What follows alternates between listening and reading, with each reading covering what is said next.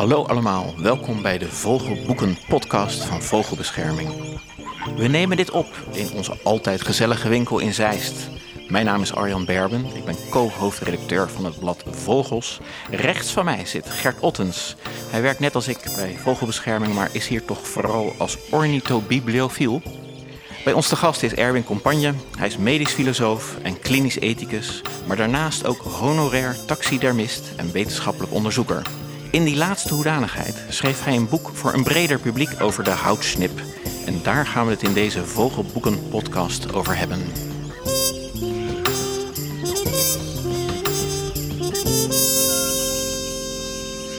De Vogelboeken Podcast. Een podcast van Vogelbescherming Nederland.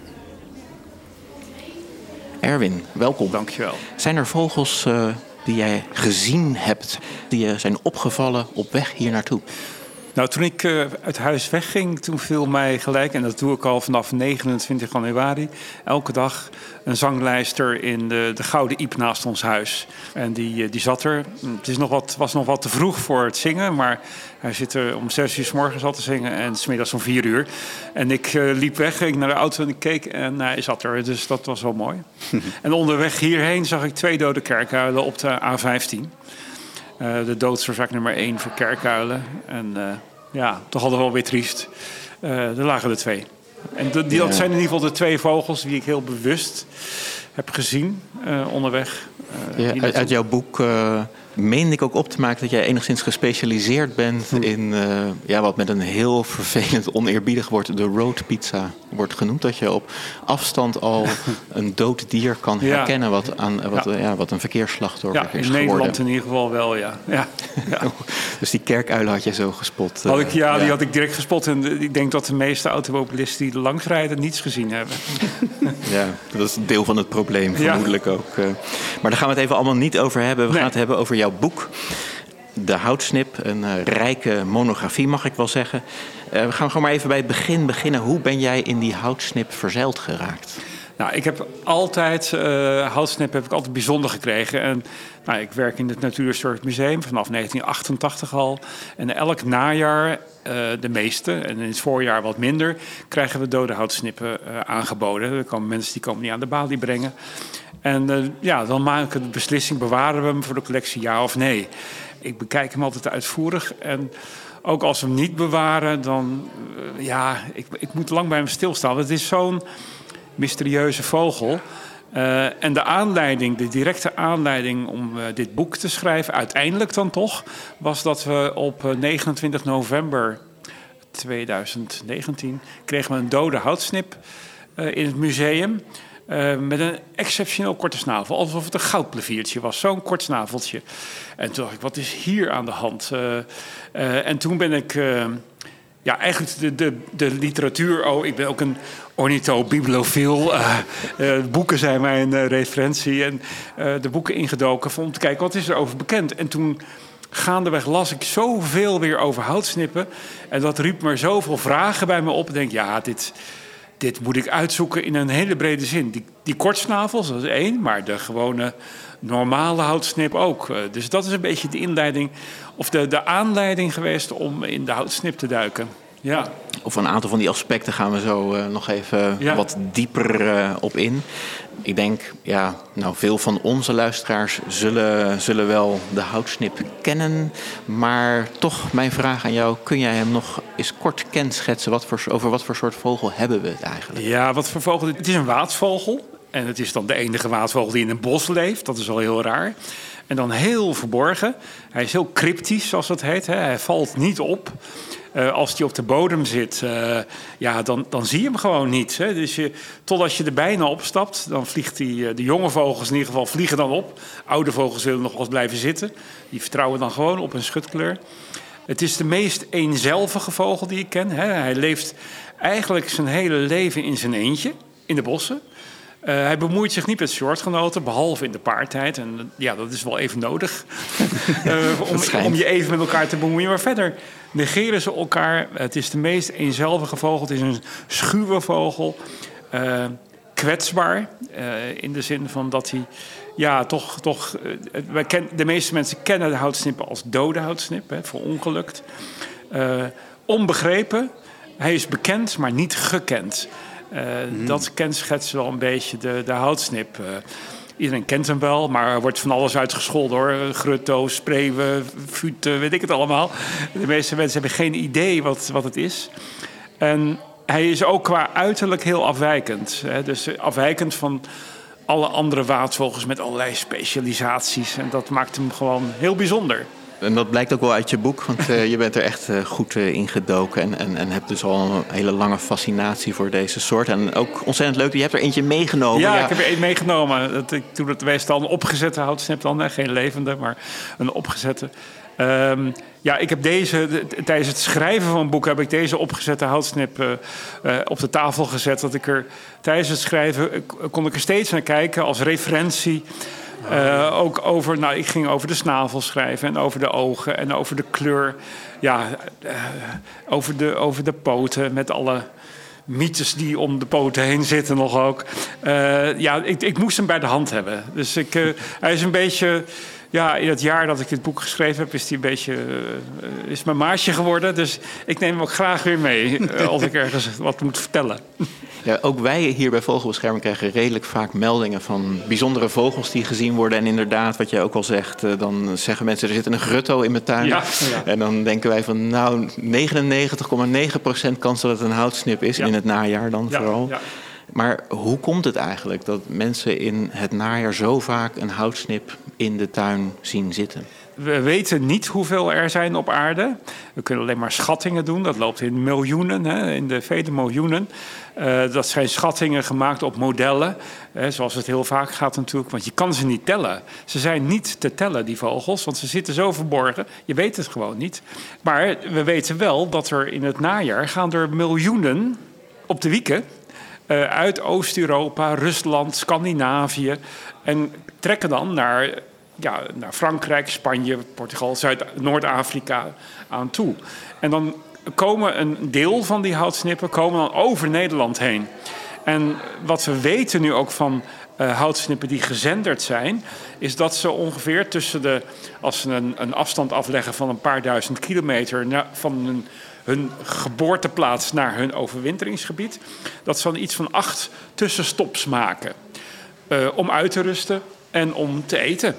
Uh, nou, en dat in combinatie met dat ze, dat ze, zoals veel vogels, aangetrokken worden door licht. Uh, ja, steden zijn, zijn, zijn grote lichteilanden. Ja, dan raken ze in de menselijke omgeving landen ze. En met name de jonge vogels. Hè, de, jongens zijn, de meeste vogels die, die we hier krijgen zijn een paar maanden oud. Ze zijn in, in het voorjaar geboren en in september krijgen wij ze hier dan. Die landen hier en ja, die, weten niet wat ze overkomen. Hè. Dus uh, er zijn allerlei dramatische foto's van houtsnippen die midden in grote steden zitten. In Amsterdam, op de Dam of zo, staat er dan een houtsnip. En wat nu? Waar zijn die wormen? En waar is mijn vertrouwde bos? Waar moet ik naartoe? En ja, ze vliegen dan op. En zoals heel veel vogels vliegen ze zich dan met name dood tegen, tegen ramen, tegen, tegen glas. Ja, en dat, dat overkomt heel veel trekvogels natuurlijk. Hè. In, in, in oktober uh, gaan de, iets later dan de houtsnippen gaan de zanglijsters natuurlijk met miljoenen trekken. nou, die vliegen ook uh, massaal tegen ramen zich dood. En dat is wel nou, een gekend probleem natuurlijk. Hè? En, en dus ja, we weten niet hoeveel er zijn, maar we weten wel dat er heel veel overtrekken. En het bijzondere is wel, vroeger was het echt een doortrekker. En nu, als je bijvoorbeeld op waarneming.nl kijkt, dan kan je vanaf september tot aan maart, april dagelijks waarnemingen van houtsnippen zien. dus ze overwinteren waarschijnlijk hier ook. Uh, en dat heeft ook te maken met de verandering van het klimaat. Uh, er zijn die strenge winters zoals in de, in de jaren 60 uh, eh, tot 80 hebben we niet meer hier. Dus er is ook niet een noodzaak om zo ver door te trekken. Ze kunnen met die fijngevoelige snavel kunnen ze lekker peuren. Ja, de, in de bodem is zacht, hè, die is vochtig en zacht. Hè. De winters zijn nu met name nat in Nederland. De wind, een natte winter. En dan de bodem is natuurlijk gewoon goed toegankelijk. Hè. En er zijn ook veel insecten die nog gewoon overwinteren. Eh, ja, en de wormen, daar komen ze gewoon nog bij. Dan heb ik nog één vraag over dit onderwerp eigenlijk. Want ik, had, ik dacht altijd dat uh, hun ja, zeg maar, raamslachtofferschap ook samenhing met die ogen die heel erg aan de zijkant nee, zitten. Maar dat is dus ook weer nee. een van die dingen die niet waar is. Nee, dat is niet waar. Als je, uh, de, de ogen zitten inderdaad vrij ver achter aan de kop. Hè? Dus als ze op de grond zitten, dan kunnen ze achter zich kijken, boven zich kijken en een groot deel voor zich kijken. Dat, dat is het grote voordeel. Maar de meeste mensen denken dat een houtsnip zo vliegt met de snavel recht naar voren. Dat is niet zo. Ze vliegen zo, met de snavel naar beneden. Dus dan, dan zijn die ogen ineens heel erg naar voren. En, dat, en ze zien het heel donders goed. Ze kunnen heel, zich heel goed oriënteren. Dat zie je ook als een houtsnip opvliegt. Dan kan die zo zigzaggend door uh, de struiken en, en heen vliegen. Nou, als je niet goed kan kijken, dan vlieg je tegen de takken op en alles. Dus uh, dat is het niet. Ze, ze, ze vliegen snel. Hè, 70 km per uur wel. Uh, ja, en dat ze tegen die ramen vliegen, dat is omdat ze de weerspiegeling van ramen, dat is één. Hè, dus zij zien, uh, oh, daar zijn nog twee bomen. Daar moet ik tussendoor vliegen. Maar dat zijn twee bomen die achter hem staan. En die weerspiegelt in de raam. En dan denken ze, dan gaan we er doorheen. Dat is één van de redenen. En de tweede is, is dat ze uh, uh, doorkijkjes hebben. Hè? Dus als er twee ramen achter elkaar staan, dan zien ze eigenlijk wat er achter dat tweede raam is. En dan knallen ze er tegenaan. En dat overkomt, dat is niet uniek voor houtsnippen, dat is echt voor. Voor, uh, in Nederland geteld zijn er 92 vogelsoorten die regelmatig zich doodvliegen tegen ramen. Zo. Ja, dus dat is best wel veel. En, en dus dat is niet iets unieks voor houtsnippen. Dat we ze veel vinden, is dat ze zo massaal overkomen. En massaal in stedenlanden, uh, ja, waar ze gewoon gedesoriënteerd geen kant meer op kunnen. Mm. Ja, dus onze, onze doorzonwoningen zijn ook een beetje. Ja, doorzonwoningen zijn funest voor ja. vogels. Uh, je kan er veel aan doen. Hè. Er is, uh, nou goed, dat, maar goed, dat is een heel ander onderwerp. Ja, ja zelf zag ik in in janu eind januari nog een houtsnip ergens opvliegen. Ik, in, bij Meijendel, bij Wassenaar, ja. liep ik ook in een bos. Vloog die inderdaad ook vlak voor mijn voet uh, op. Dus ik, toen zat ik inderdaad al te denken dat ik, ze, dat ik ze ook steeds vaker winters wel ja. zie. Tenminste, ik zie ze niet heel veel. Maar ik bedoel, iedere, ik zie er iedere winter toch wel een paar de laatste... Ja, en dan zie je ook dat als ze dus hier blijven...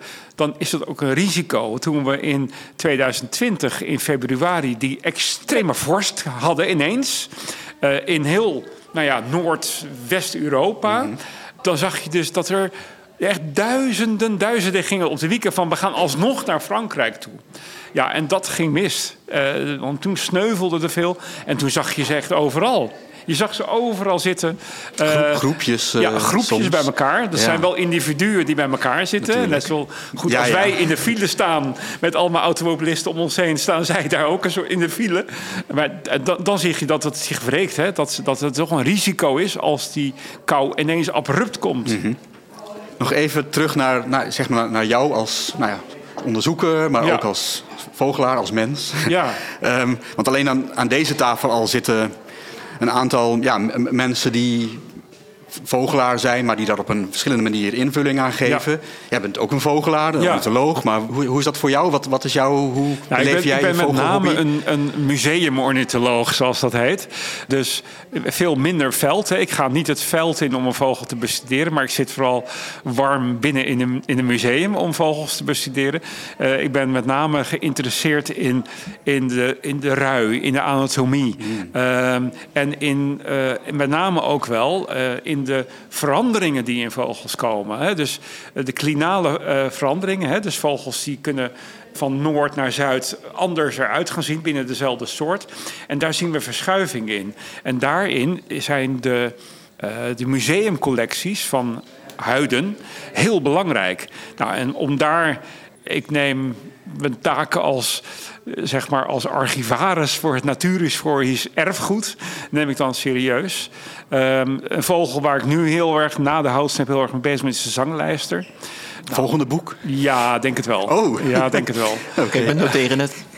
Ja, echt ook een hele bijzondere vogel, maar waarvan we eigenlijk niet goed weten ook van welke ondersoort broedt nu hier.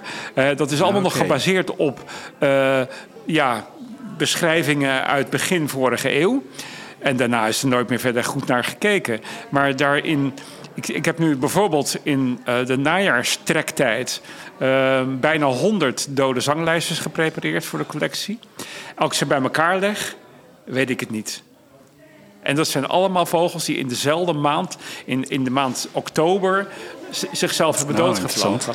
En kijk, dat intrigeert mij. En dan kan ik, omdat we een rijke collecties hebben in musea, kan ik uh, van de laatste 150 jaar kan ik zanglijsters op een rij leggen. En dat heb ik ook gedaan met de houtsnippen. En uh, daarin zie je dan ook bijvoorbeeld uh, veranderingen in het klimaat. Hè. Je ziet snavellengtes veranderen, je ziet pootlengtes veranderen, je ziet de kleur van verenkleden veranderen. Ja, en dat vind ik, maar goed, uh, dat is dan mijn zwakte, dat vind ik heel interessant.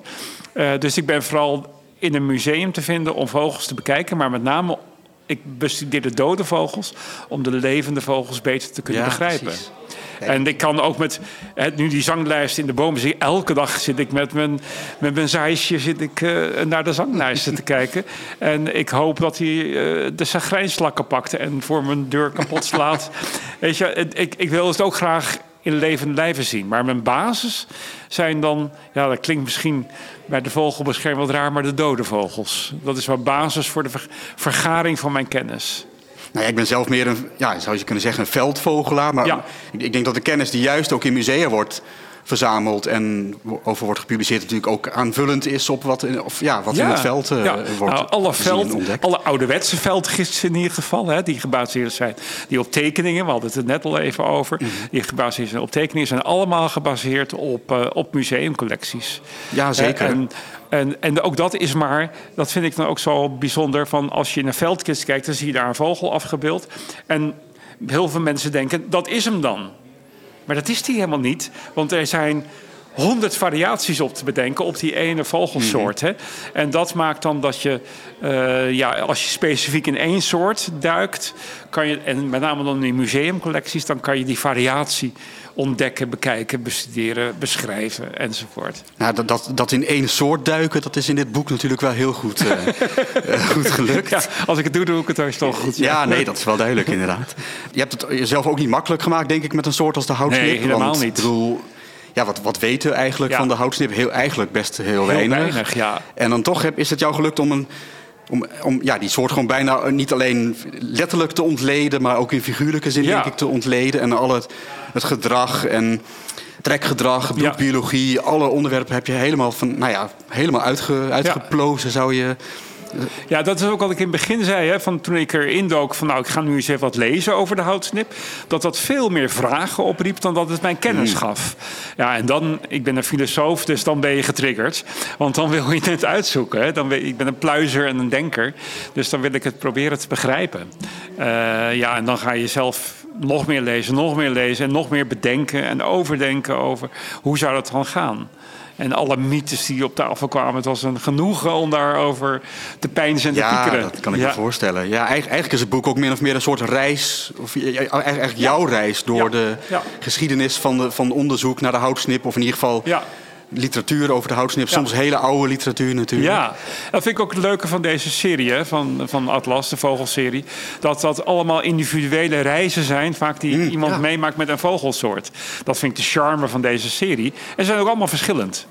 Dus dit is ook de eerste waarin er veel dode vogels beschreven worden. ik geloof het inderdaad ook. Ja. ja. Je hebt het ook al gezegd, het is een trekvogel.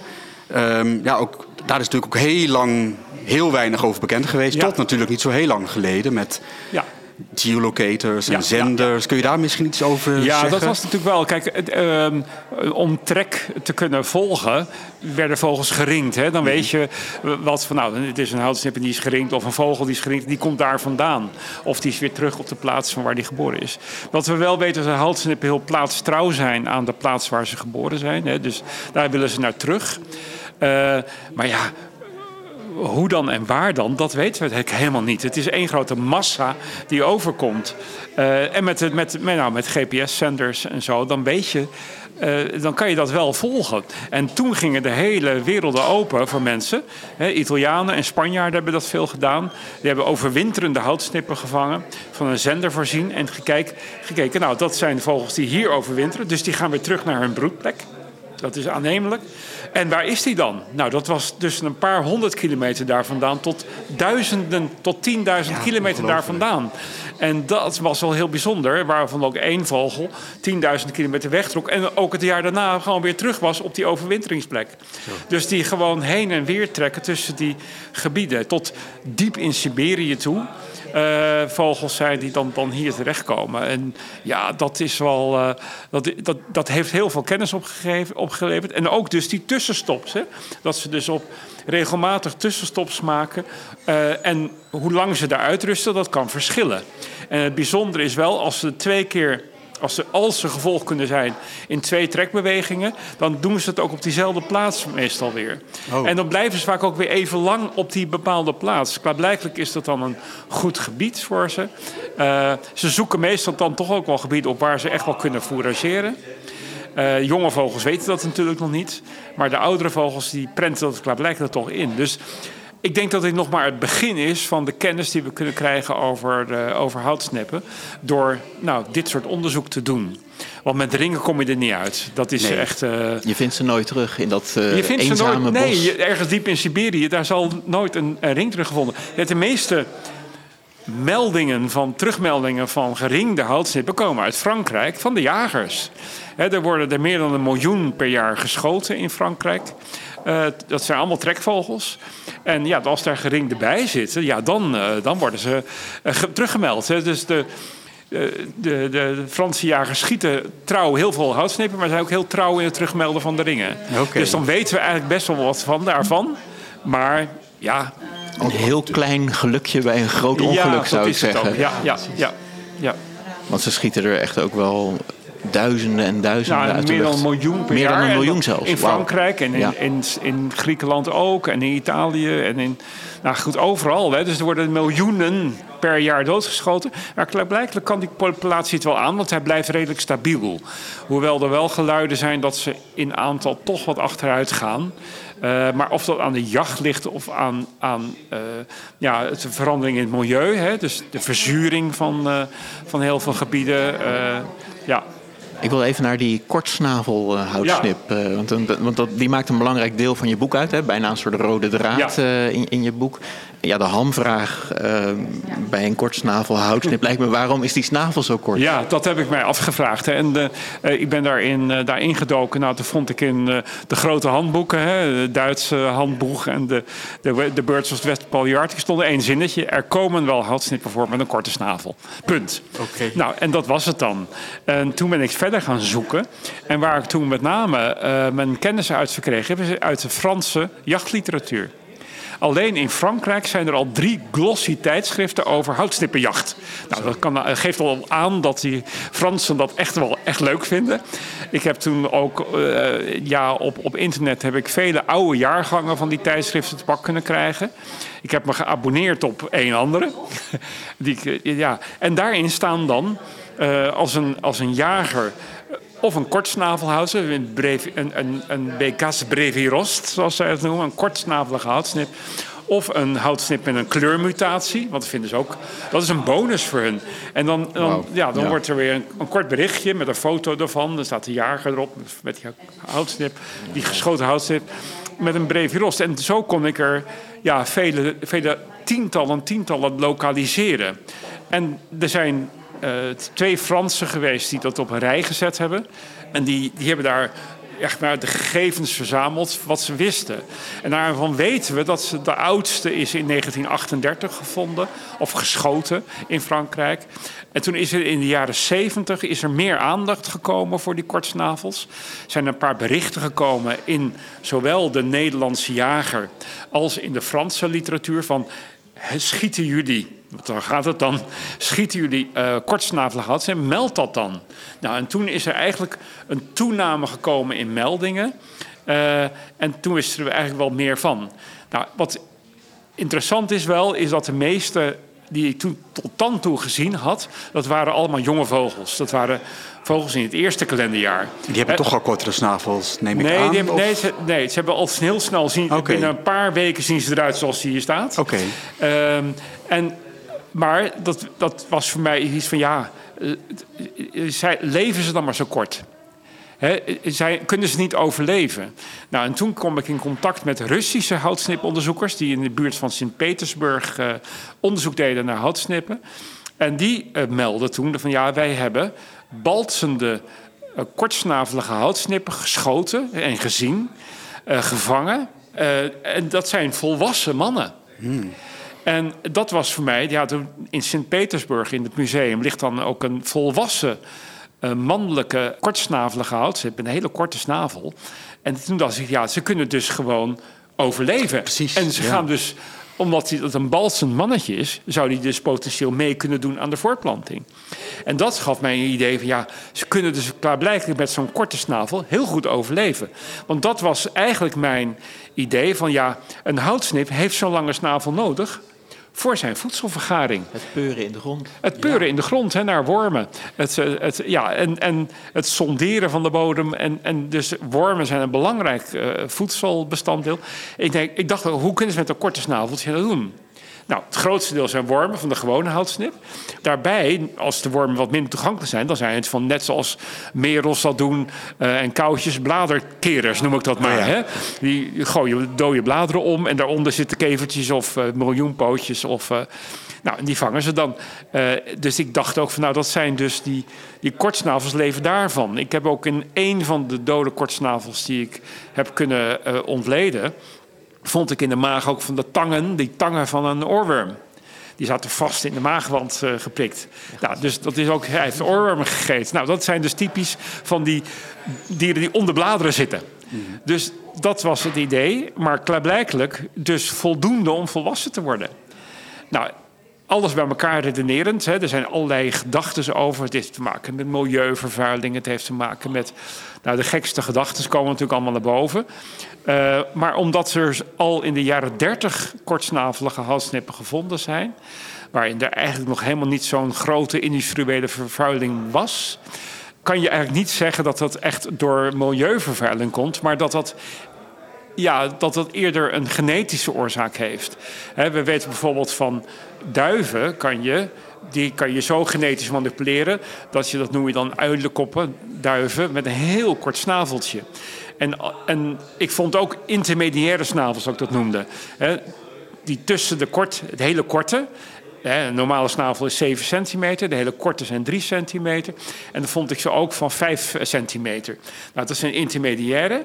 We weten van duiven. Als een kortsnavelige duif met een normaal sluivelige duif zich paart, dan krijg je ook zijn intermediaire duif. Dus het is hypothetisch. We weten het niet. Je kan het niet uittesten. Uh, maar dat is de gedachte waar ik uiteindelijk op uitgekomen ben. Dat zal, denk ik, het is een genetische mutatie. Ook omdat hij nog constant er is. Hij, het, hij is er altijd wel geweest. Uh, ja, de oudste uit Nederland is uit 1966 die bewaard is gebleven. Die staat in Naturalis.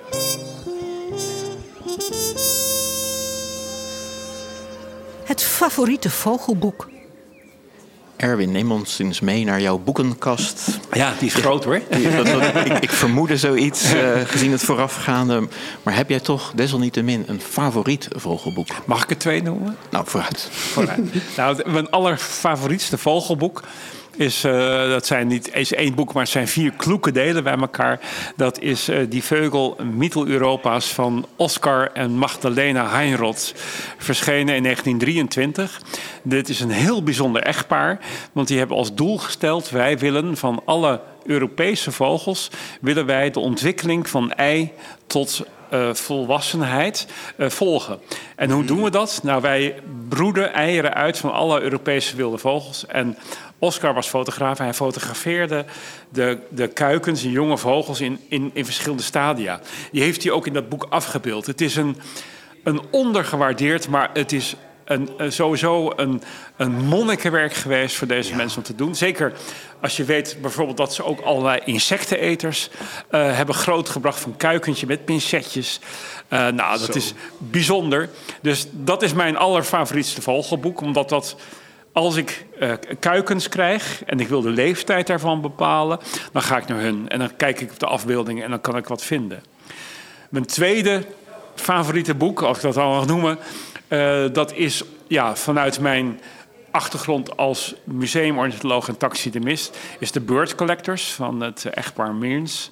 Met name omdat het laat zien dat we van een. daar is daar de basis van alle museale collecties. En wat ook, moeten we niet vergeten, de basis is van heel veel kennis over vogels. En, dus ook, heel, en ook de illustraties van de meeste veldgidsen daarop gebaseerd zijn. Ik noem het maar even nog een keer. Dat dat van actief verzamelen, dus met geweer, naar passief verzamelen. Dus we verzamelen doodgevonden vogels en die prepareren we voor de collectie. Zoals we dat nu doen. En dat laten zij door de tijd heen in dat boek heel mooi zien. dus de, de tijden waarvan wij nu zeggen van nou, nou, nou, weet je wel, zoveel vogels doodschieten, tot uh, het passief verzamelen. Dus daarom wil ik het ook als tweede favoriete boek noemen.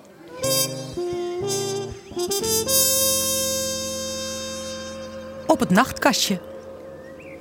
Gert, uh, er ligt weer een boek op je nachtkastje volgens mij. Uh, ja, inderdaad. Zoals gebruikelijk bijna. Um, in december vorig jaar verscheen het boek Strikes of the World. Het is een herziene uitgave van een boek wat al eerder in uh, eind jaren negentig is verschenen van dezelfde auteur en dezelfde tekenaar. Het is, maar het is uh, volledig uh, herzien. met nieuwe tekeningen. De, nou, de teksten zijn helemaal, helemaal geüpdated, is dat als je dat zo zegt. Sowieso, nou, als, je, als je mij vraagt naar mijn favoriete boeken, dan weet ik het niet zo meteen. maar ik vind wel dat monografieën, ja. of het nou over een soort gaat, zoals de houtsnip, of een soort groep of een familie, zoals die klauwieren in Strikes of the World, dat zijn wel mijn favoriete boeken in in algemene zin, denk ik.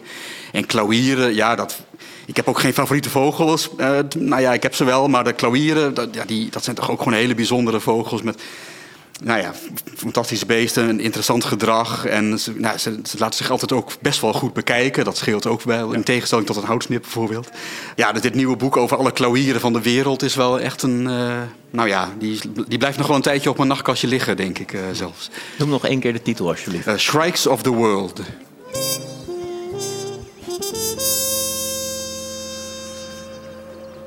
Dan gaan we weer terug naar de houtsnip.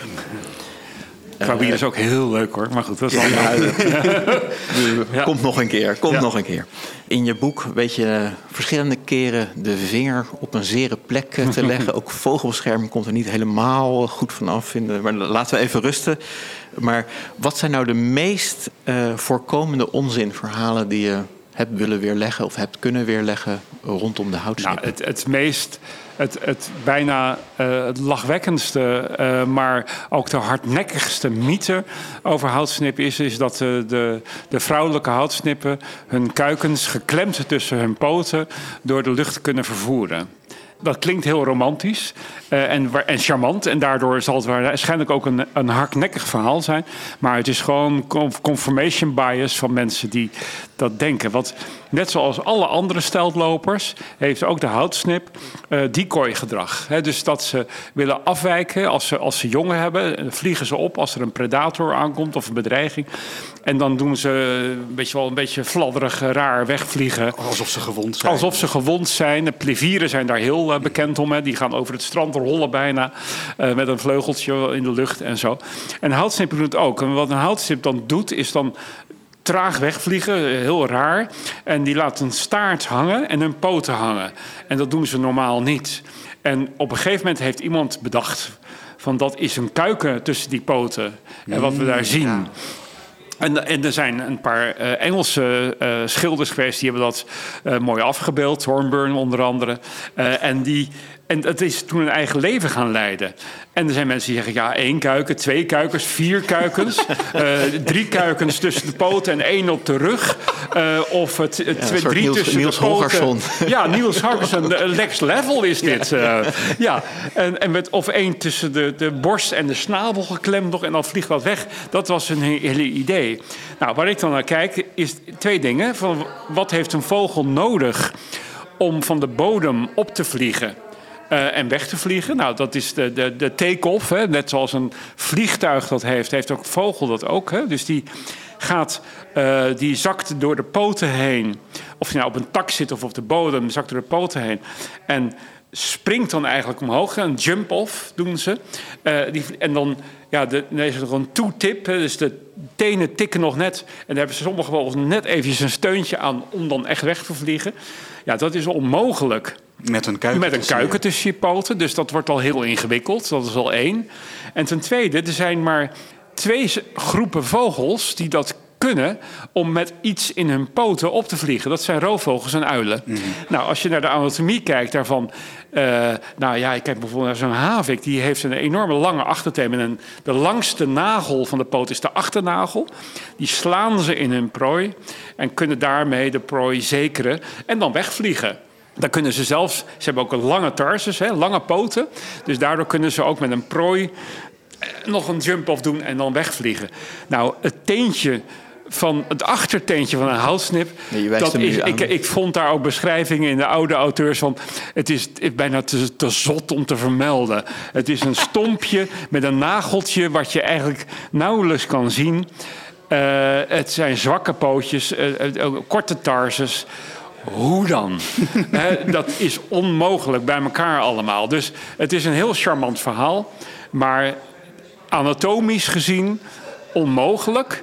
En het zou ook heel onhandig zijn als een houtsnip, als een vogel de aandacht van zijn kuikens wil afleiden. Ja, waarom- Om dan één kuiken op te pakken, drie achter te laten.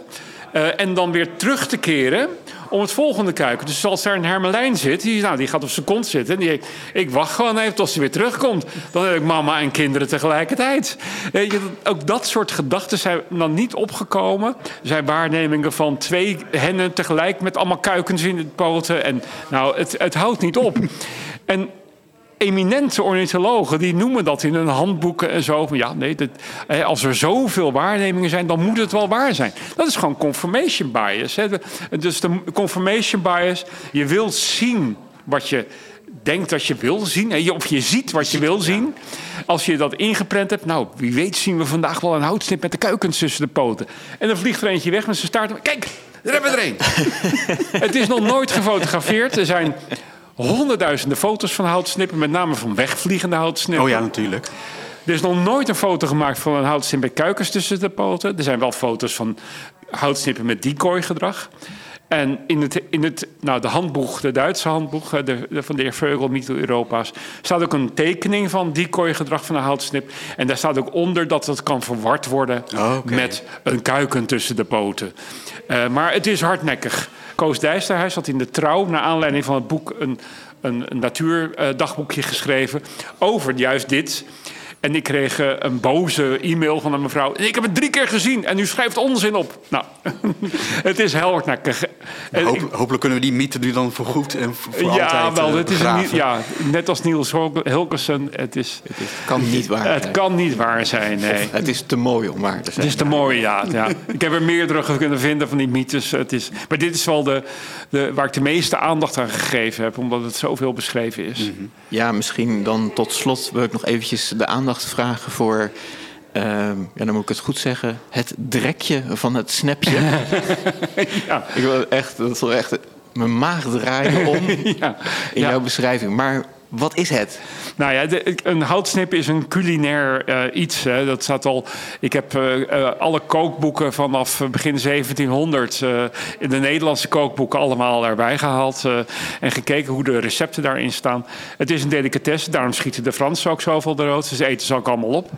Ehm, maar de bereidingswijze van een houtsnip is afwijkend van andere ander wild. Wat je doet met een houtsnip, die eh, pluk je, hou je vleugels af en de kop eraf. En je laat alles intact. Je haalt alleen met één sneetje de mager uit. De rest, de darmen, laat je er allemaal in zitten. En dat blijft erin als je hem gaat braden. Nou, oké, prima. En waarom is dat? Want ze zeggen van ja, de ingewanden, dat geeft een speciale smaak aan. En dat wordt dan gezegd in het Nederlands, het drekje van het snepje. Dus de, het, het, eh, de, de uitwerpselen die in de endeldarm zitten, geven de speciale smaak. eraan. Yummy. Ja, maar dat valt toch wel even wat anders uit. Want wat de, wat de werkelijkheid is, is dat er. Eh, want ja, uiteindelijk dan haal je de ingewanden eruit, die pureer je. Eh, en die, die smeer je op toast uit. Ja, ik ben een veganist hoor, maar ik kan dit wel met smaak vertellen. ik merk het. Ja. En, en, en dat smeer je dan op toast uit. En dat eet je dan met, met smaak op. En dan het vlees, het gebraden vlees van de houtsnip. Maar wat, het, wat de werkelijkheid is, die darmen van een houtsnip... eh, zitten vol met lintwormen. Elke houtsnip heeft ze. Want, de, want die, die betreffende lintworm die zit in de regenwormen, de, althans de eieren daarvan. En uh, de houtsnip is daar gewoon tussen hierin. En omdat ze zoveel, hout, zoveel regenwormen eten, zitten ze ook vol met die kleine lintwormpjes. Ik heb heel veel darmen opengesneden en dan zie je ze echt, echt honderden van die lintwormpjes in zitten. En die lintwormpjes, die geven de speciale smaak. Dus wat mensen uh, zeggen van nou, het drekje van de snapje, mm het gaat niet om de poep, het gaat om de darminhoud. Uh, en toen ik naar de uitzending uh, terugkeek van De Wereld Draait Door... waar Matthijs van Nieuwkerk en Peter R. de Vries uh, houtsnip aten met het drekje... en ik zag ze daar smullen, ik denk, ze zouden eens moeten weten. ze zouden eens moeten weten wat ze eten. ja. Erwin, dankjewel ja. voor de komst naar Zeist, naar de winkel van Vogelbescherming. En iedereen die geluisterd heeft uh, naar de Vogelboeken podcast. Jullie ook onwijs bedankt. En ja, ik zou zeggen, koop de houtsnip en lees het allemaal nog een keer duidelijk uh, na wat Erwin verteld heeft. Volgende keer hebben we het over vogels in tuinen.